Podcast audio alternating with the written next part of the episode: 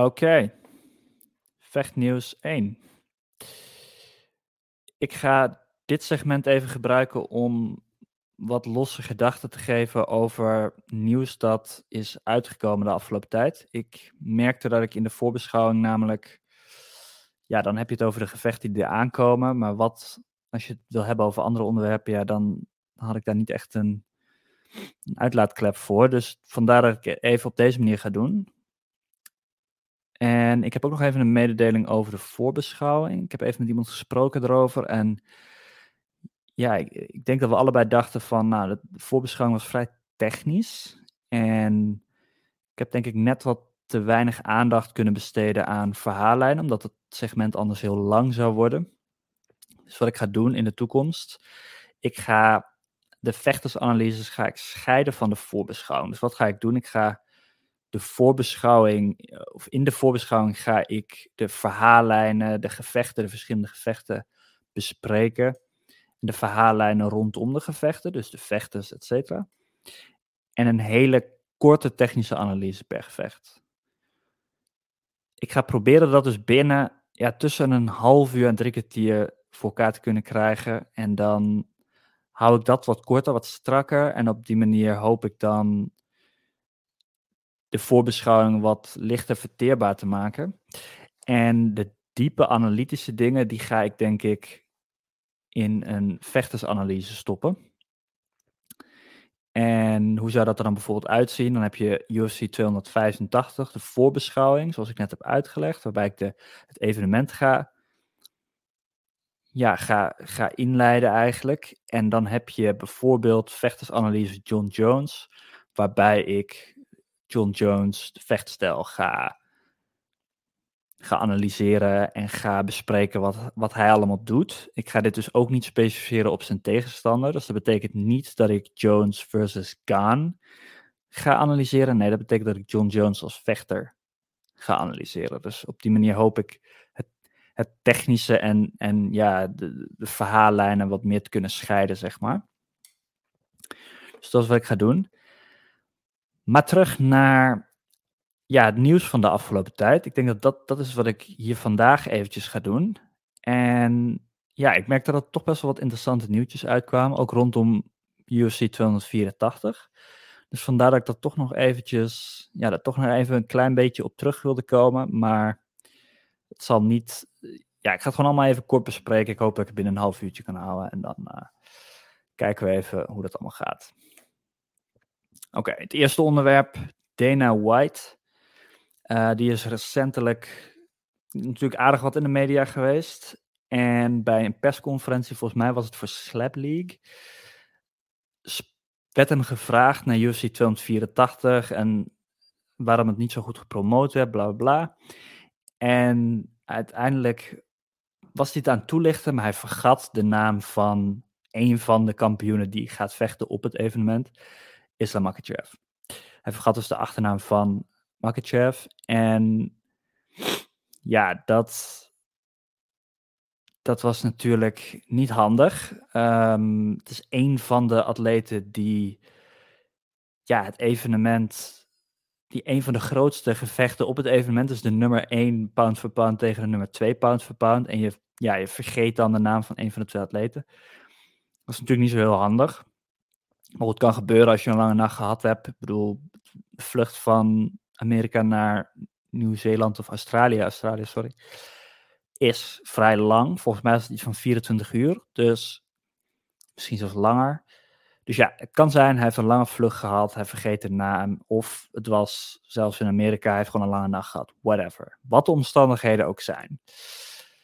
De reden dat het zo irritant is, en dat is misschien mijn mening, misschien delen andere dingen niet, maar dat is omdat Dana White natuurlijk met oud en nieuw ook in het nieuws is geweest. Uh, waarbij hij zijn vrouw een, hè, een klap had verkocht nadat zij hem een klap had gegeven.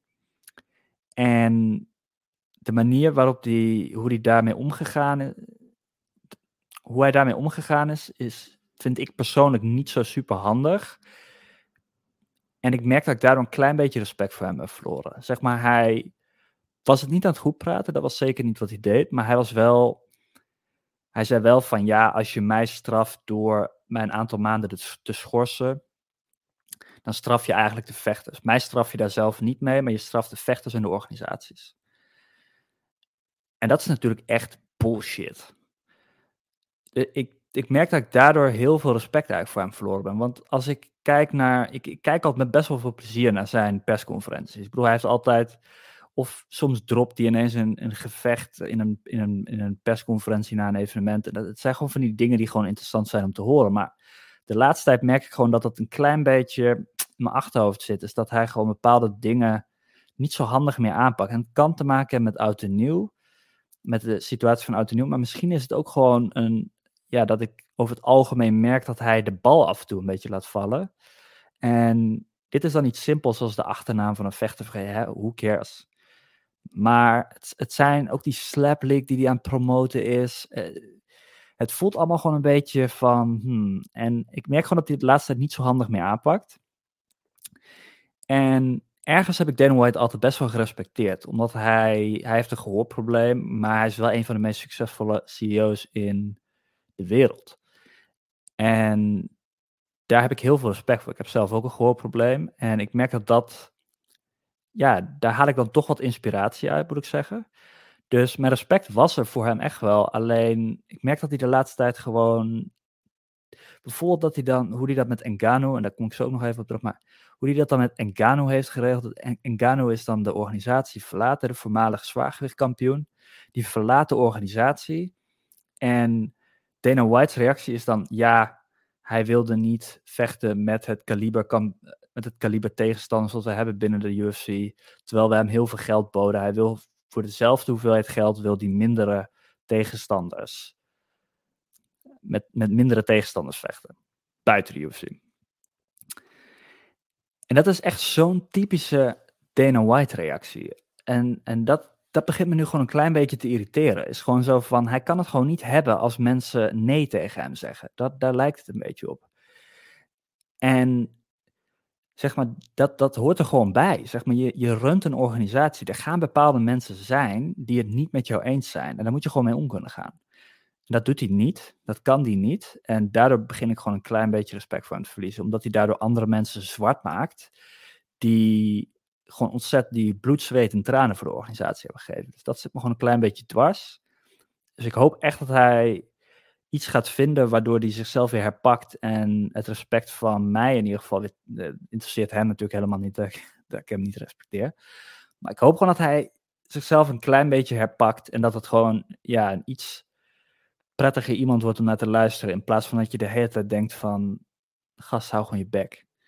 Maar goed, hij is nog steeds de promotor. En hij is ontzettend goede promotor. Daar wil ik er ook wel even bij zeggen. Hij heeft echt een persoonlijkheid. Dus ik hoop ook, mocht hij ooit vervangen worden, dat er echt iemand voor terugkomt die ook een persoonlijkheid heeft. Heeft een persoonlijkheid heeft, sorry. En ja, die, die gevecht ook zo goed kan promoten als dat hij doet. Dus, dus ja, het is een hele goede, een hele goede in wat hij doet. Alleen ik merk de laatste tijd dat het gewoon, ja, dat hij mijn respect een beetje verloren heeft. Oké. Om trouwens nog even terug te komen op islam's achternaam. Dat is dus een beetje, ik denk dat dat, wat ik net allemaal heb gezegd, dat dat allemaal een beetje op de achtergrond speelt. Op het moment dat ik hem dan weer zo'n fout zie maken in zijn persconferentie. Dat ik dan denk van, ja, ja dit, dit doe je ook niet. Weet je, ja, natuurlijk. Eh, waarschijnlijk heeft dat met elkaar te maken. Dus is het vergeten van de achternaam van islam een ramp? Nee, islam heeft zelf ook reactie gegeven en gezegd van, joh, dat kan gebeuren. Onze namen zijn moeilijk voor, dat, voor de Amerikanen. Dus nou goed, wat het ook is, dit is prima. Maar ja, dat wil ik even gezegd hebben. Het tweede onderwerp dat ik even wil bespreken is Aljamain Sterling, de bantamgewichtkampioen, heeft recentelijk gezegd dat hij wel interesse heeft in een gevecht met Volkanovski, de kampioen vedergewicht. Dus hij wil een gewichtsklasse naar boven gaan. En hij zegt ook daarbij dat als Makachev Volkanovski naar de grond kan halen, dan kan hij dat ook. Oké, dat, is een, dat is een interessante stelling. Ik denk dat. Mm, ik denk dat het interessant is wat hij wil doen. Want ik denk dat Sterling een, een groot een, een groot bantamgewicht is. En wat houdt dat in? Dat betekent dat ze ontzettend veel gewichtsverlies moeten doorstaan om het streefgewicht te behalen. Dus hè, 135 pond. En nadat ze het streefgewicht hebben gehaald, gaan ze zich weer opvullen. En dan zijn ze vaak zo'n 10 tot 20 pond groter binnen de kooi. Dus om dat even om te rekenen, 135 pond is volgens mij zo ongeveer, zijn 60 tot 3, 60 tot 65 kilo. En dat betekent dus dat ze in de kooi staan. Het zou zomaar kunnen dat ze met 70, dat ze boven de 70 in de kooi staan. Zo iemand als Sterling zal ongetwijfeld. Iemand als Sterling zal ongetwijfeld uh, 70, 70 kilo plus in de kooi staan. Dus dat betekent dat ze behoorlijk wat gewicht weer, weer, weer bijkrijgen nadat ze het streefgewicht hebben gehaald uh, bij het inwegen de dag voor het gevecht. Dus Sterling is gigantisch. Als je ook ziet hoe hij inweegt. Ik bedoel, je ziet aders over zijn hele lichaam lopen. Die man is zo droog als maar kan zijn. Lijkt wel alsof hij zichzelf aan het klaarmaken is voor een bodybuilding wedstrijd. Ik denk dat zijn vetpercentage op zo'n moment 6, 6% is of zo. Het is echt, echt bizar.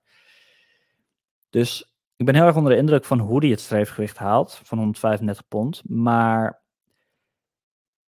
Dus ik denk daarom ook als hij naar vedergewicht gaat, dat hij zeker qua grootte niet tekort gaat komen. Want dat, bij Volkanovski heb je dat een beetje, omdat hij naar lichtgewicht gaat. Hij is al een klein vedergewicht, zeg maar een, korte vedergewicht. Dus hij zal helemaal een korte lichtgewicht zijn. Dus dat is een beetje de, de, de dat zijn een beetje de, de omstandigheden die Volkanovski moet overwinnen. Sterling zal die omstandigheden niet moeten overwinnen als hij van bandengewicht naar vedergewicht gaat. Alleen, dus dat qua gewicht zal ik niet dezelfde issues hebben als dat ik bij Volkanovski heb, maar, of qua grootte.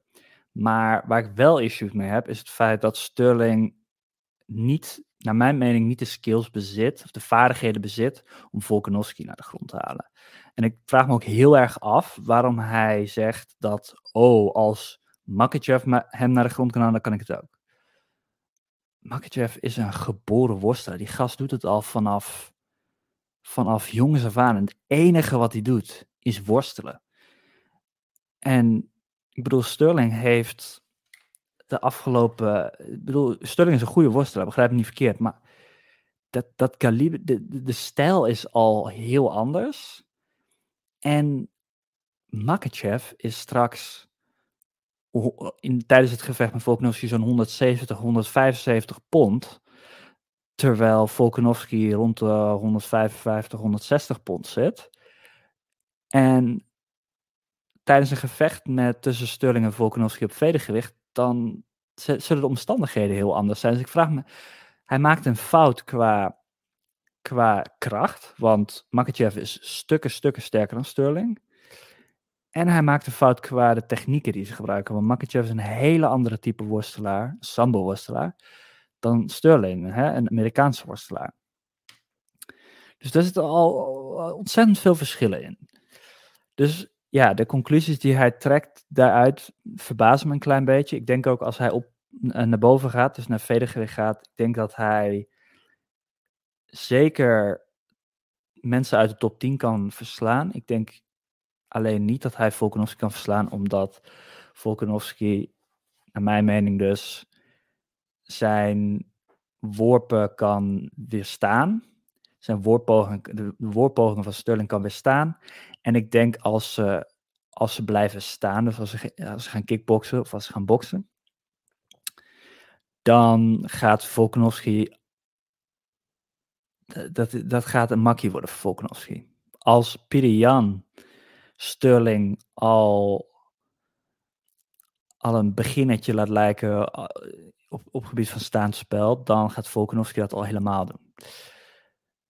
Dus dat is, dat is mijn mening. Ik denk persoonlijk dat Sterling Volkanovski niet zou verslaan op vedergewicht. Ik denk wel dat Sterling het goed zou doen binnen vedergewicht. Dus we gaan het zien wat daar gaat gebeuren.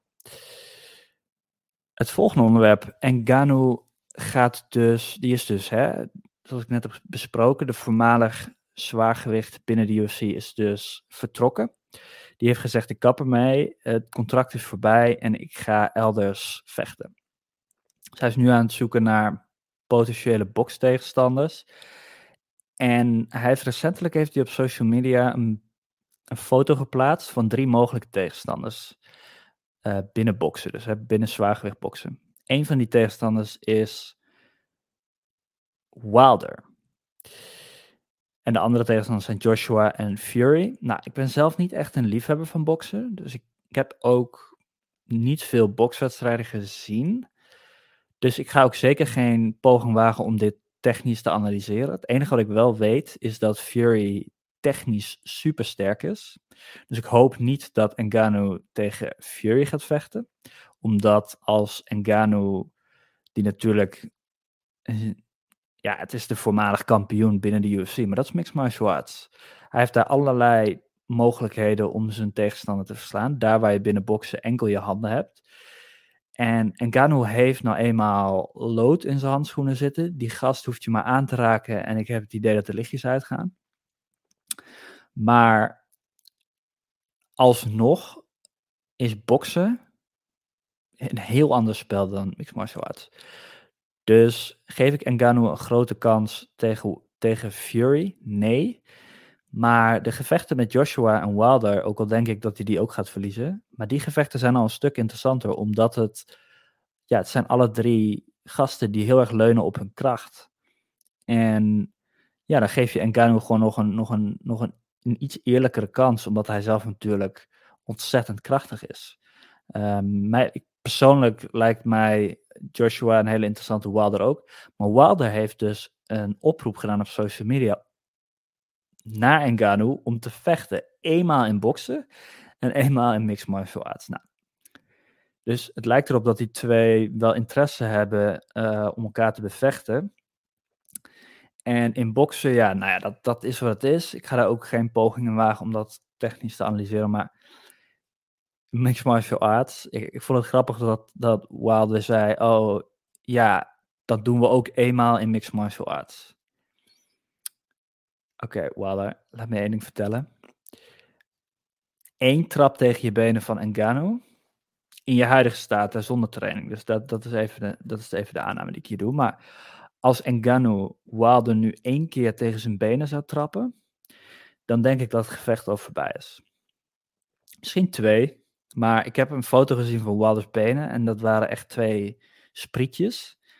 En Ngannou's benen zijn twee blokken beton.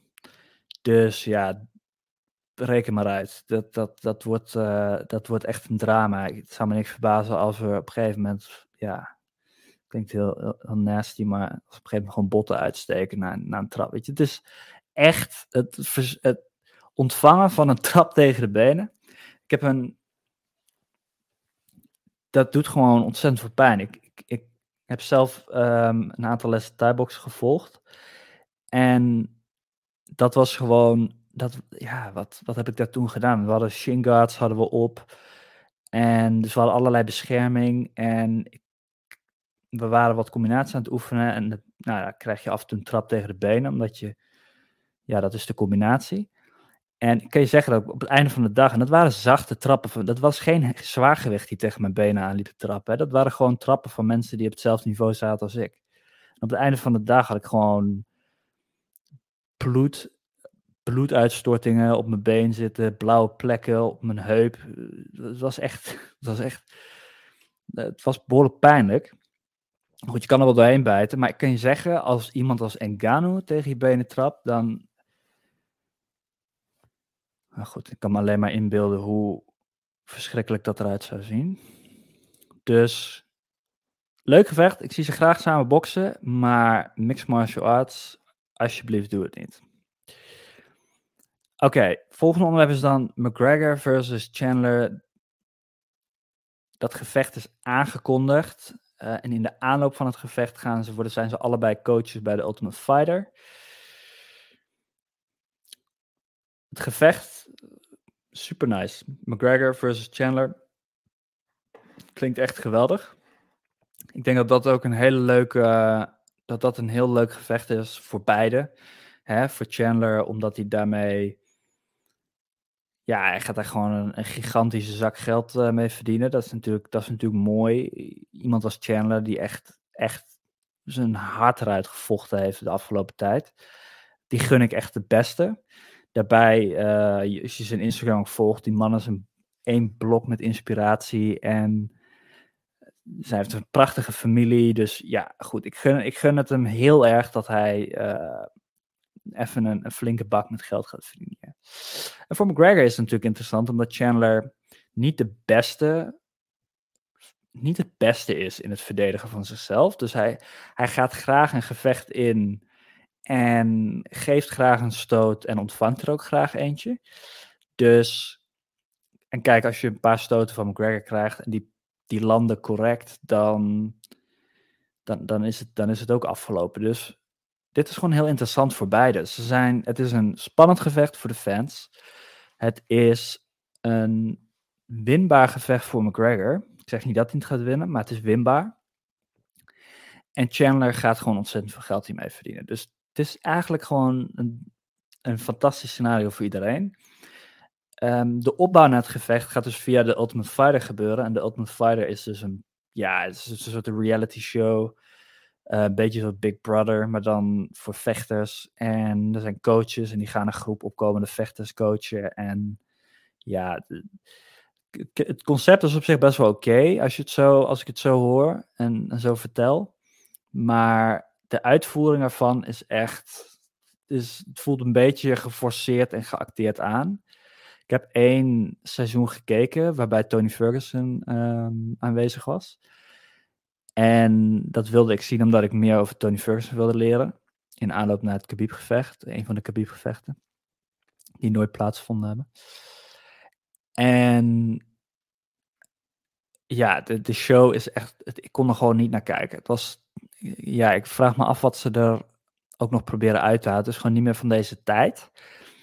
Het voelt heel erg aan als 2005, 2004. Maar nou goed, het is, het is wat het is. Ze houden het. Ik moet wel zeggen, het feit dat McGregor en Chandler de coaches zijn, dat maakt het misschien net wat interessanter en misschien net wat aanlokkelijker om er naar te kijken. Dus misschien dat ik nog een kans ga geven, maar echt wel, als ze mij binnen de eerste twee afleveringen niet overtuigen, en dan, dan ga ik het ook niet verder kijken. Dus ja, goed. The Ultimate Fighter kan leuk zijn. Sommigen vinden het misschien leuk, hè? no judgment. Maar ja, ik, ik, het, is voor mij, het is voor mij gewoon niks aan. Dus ja. Oké, volgende nieuwsitem. Shimaev. Hamzat Shimaev wil vechten tegen Robert Whittaker. Hij wil dat dat zijn volgende tegenstander wordt. Dus hij heeft dat opgeroepen op social media. En Whittaker heeft daar eigenlijk ook al op gereageerd. Hij heeft gezegd, met een stoïsch gezicht, heeft gezegd, nou ja, prima, laten we doen. Pardon. Dus, ja, super, super gevecht dit. Ik bedoel, Shamaev, zijn laatste, zijn, zijn opkomst in, in de UFC is natuurlijk gewoon geweldig geweest. Ik denk dat ik heb echt, ik heb al zijn gevechten met heel veel plezier bekeken. En ik denk ook dat hij het heel ver gaat schoppen, vooral na het gevecht met Gilbert Burns. Toen dacht ik echt bij mezelf, oké, hij met een niet al te beste strategie heeft hij alsnog de top van de weltergewichtdivisie aangepakt. Dat vind ik echt heel interessant. Dus ja, ik ben echt wel overtuigd van zijn, van zijn talent en zijn vaardigheden. Het is alleen jammer dat hij wel te gewicht niet heeft gemaakt in zijn laatste gevecht. Met Diaz was dat gepland. Toen heeft hij het gewicht niet gehaald. Heeft hij een, een, een, een catchweight. Hè? Dus een, een, ja, dat is een soort gevecht wat niet binnen een specifieke gewichtsklasse plaatsvindt. Hebben ze, heeft hij gevochten met Kevin Holland. Nou, dat was uh, binnen minuten was het gedaan. Het was echt was binnen de eerste ronde volgens mij. En Shemaev haalde Holland naar de grond en wurgde hem en het was klaar. Nou, eh, precies zoals iedereen dacht dat het zou gaan gebeuren. Dus je wilt hem nu wel een keer zien tegen, tegen het, de beste van de beste binnen de divisies waar hij vecht. Wel de is er dus eentje van. En hij heeft ook al eerder in middelgewicht gevochten en daar heeft hij ook gewonnen.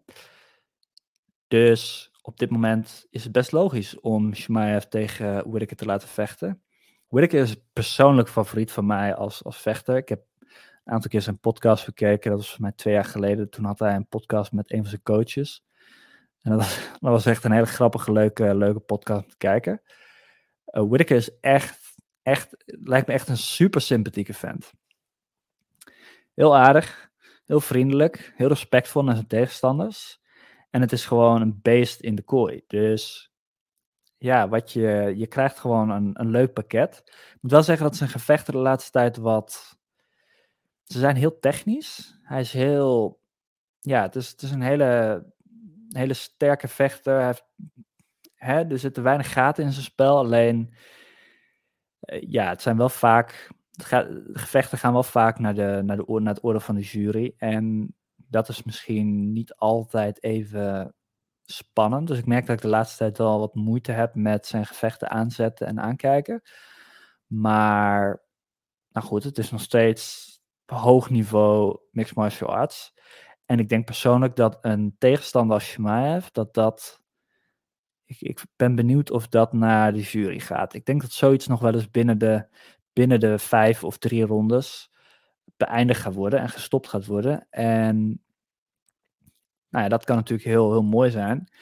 Ik denk dat Whittaker genoeg ervaring heeft met worstelaars uh, in zijn gevechten met uh, Romero. Twee keer gevochten met Romero. Dat, dat zijn echt fantastische gevechten om terug te zien. Dus doe dat vooral als je die nog niet gezien hebt. En ik denk dat die gevechten ook gaan overtuigen dat hij echt wel een kans maakt tegen Shimaev.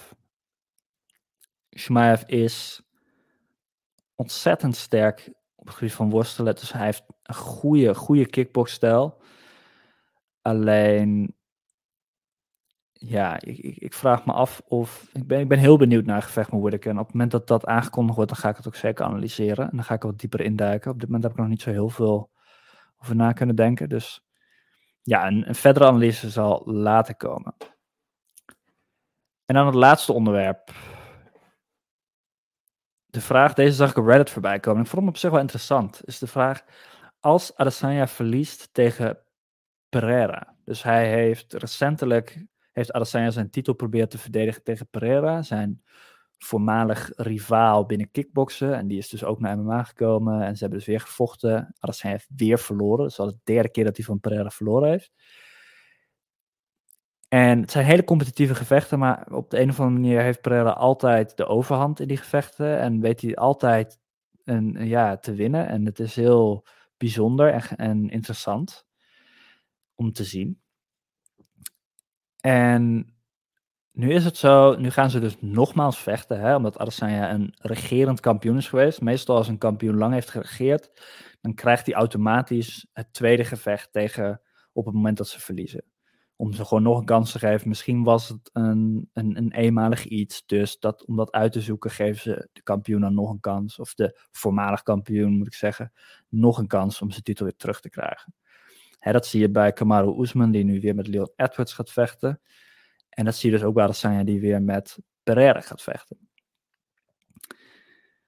Ja, maar wat als hij verliest? Wat als Adesanya weer verliest? Wat gebeurt er dan met zijn carrière? Nou, dit vind ik persoonlijk wel een interessante vraag, omdat als hij verliest op middelgewicht, hij gaat niet een derde kans krijgen. Dus dat betekent dat hij of weer met top, dat hij binnen de top 10 ranglijst zichzelf weer omhoog moet werken. En dat zou met één of twee gevechten kunnen. En Pereira blijft misschien geen kampioen. En dan is er een nieuw kampioen. En dan heeft Adesanya weer kansen om opnieuw kampioen te worden. Maar misschien is dat.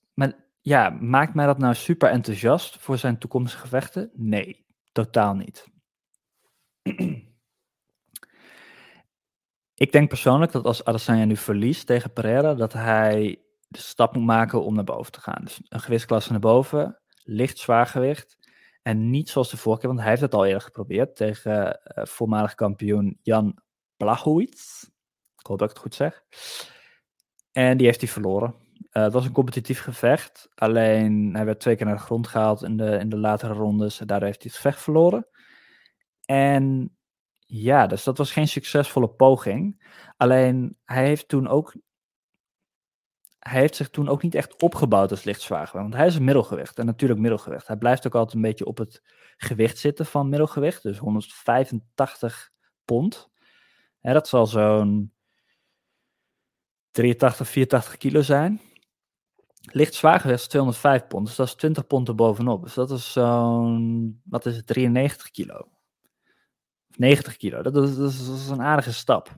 Dus als jij iemand van 83 kilo bent en je vecht tegen een, een groot licht zwaargewicht die zomaar in de kooi 100 kilo kan wegen, dan, zul je, dan zit er een aardig verschil in gewicht tussen de twee. Dus vandaar dat ik denk dat als Adesanya het nogmaals gaat proberen, dat hij dan een jaar of twee jaar rust moet nemen. En gewoon net als John Jones gewichten moet gaan pompen in de gym, spier moet gaan bouwen.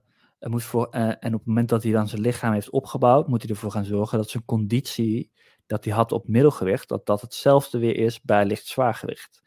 En dat zijn snelheid en zijn conditie en zijn technieken, dat die allemaal weer opgebouwd worden in een hogere gewichtklasse. Dat is het moeilijke eraan. Zeg maar. Het is niet alleen, oh, ik kom gewicht aan en dan ben ik dezelfde. Nee, nee, nee. Zeg maar, je techniek gaat er natuurlijk ook onder lijden. Want je bijvoorbeeld je armen optillen wordt zwaarder als je dikkere schouders hebt. Dat is nou eenmaal zo. Je conditie gaat eronder lijden, omdat je zwaarder bent. Zwaardere mensen kunnen, ik bedoel, de, marathon, dat zijn, altijd, dat zijn altijd slanke mannetjes. Komt dat ze zo min mogelijk gewicht met zich mee moeten dragen. Zwaardere mensen hebben nou eenmaal minder goede conditie. Dus dat is ook iets waar, ze aan, waar dan aan moet werken. En zijn snelheid bedoel, als je meer gewicht draagt, dan duurt het ook langer om bepaalde bewegingen te maken. Dus je snelheid gaat er ook onder lijden. Dus dat zijn dingen die hij allemaal moet opbouwen voordat hij weer naar licht zwaargewicht gaat. Hij kan niet als middelgewicht naar licht zwaargewicht gaan. Dat kan gewoon niet. Dat heeft hij geprobeerd en dat gaat niet. Dus als hij weer verliest, laat het hem dan nog een keer proberen, maar laat het hem dan een keer goed doen. En dan ben ik wel heel nieuwsgierig wat eruit gekomen. Oké, dat was dit nieuwssegmentje. Ik hoop dat het wat vlotter was dan de voorbeschouwing. Ik vond het zelf op zich wel vlotjes gaan. Ik heb één onderwerp wel eventjes overgeslagen. Omdat ik merk dat we nu op het half uur zitten. En ik denk dat dat ook even het streven is. Ik hoop dat het enigszins vermakelijk was. En ik ga natuurlijk nu hard werken aan de voorbeschouwing van 285. Die over, wat zal zijn, twee of drie weken uitgebracht gaat worden. En de vechtersanalyse van John Jones gaat er ook aankomen. Daar ga ik, ik, ik, neem een diepe duik in zijn vroegere carrière en ik ga kijken wat hem nou zo goed maakte en wat zijn zwakke punten zijn die zijn toekomstige tegenstanders eventueel uit kunnen buiten. Dus dat is wat ik ga doen. En ja, ik ga het allemaal uitbrengen op mijn, op mijn, op mijn kanaal, op mijn kanaal op Apple Music en Spotify. Je, je, ja, mocht je willen meldingen willen ontvangen van de, de, nieuwe, de nieuwe opnames die dan beschikbaar zijn. Je kan je abonneren, het hoeft van mij niet, joh. Doe wat je wilt. Ik zit nog in een vroeg stadium, dus het enige waar ik me nu op focus is het uitbrengen van goede content. Dus, uh, maar dat zijn in ieder geval opties, dus dat laat ik helemaal aan jullie over. Tot de volgende!